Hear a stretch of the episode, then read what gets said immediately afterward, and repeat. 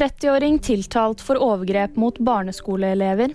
Helikopterfirma siktet etter dødsulykken i Verdal.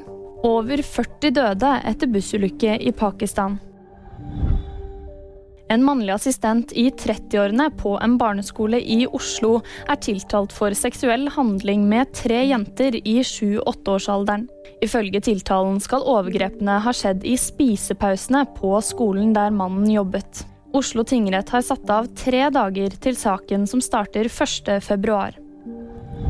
Midtnorsk helikopterservice er nå siktet etter helikopterulykken der to personer omkom i Verdal 1.11. i fjor. Fra før er piloten siktet i saken, men erkjenner ikke straffskyld.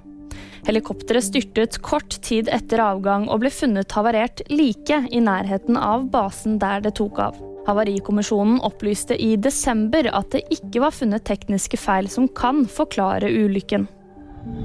Minst 41 personer omkom da en buss i høy hastighet kjørte av en bro og begynte å brenne sørvest i Pakistan.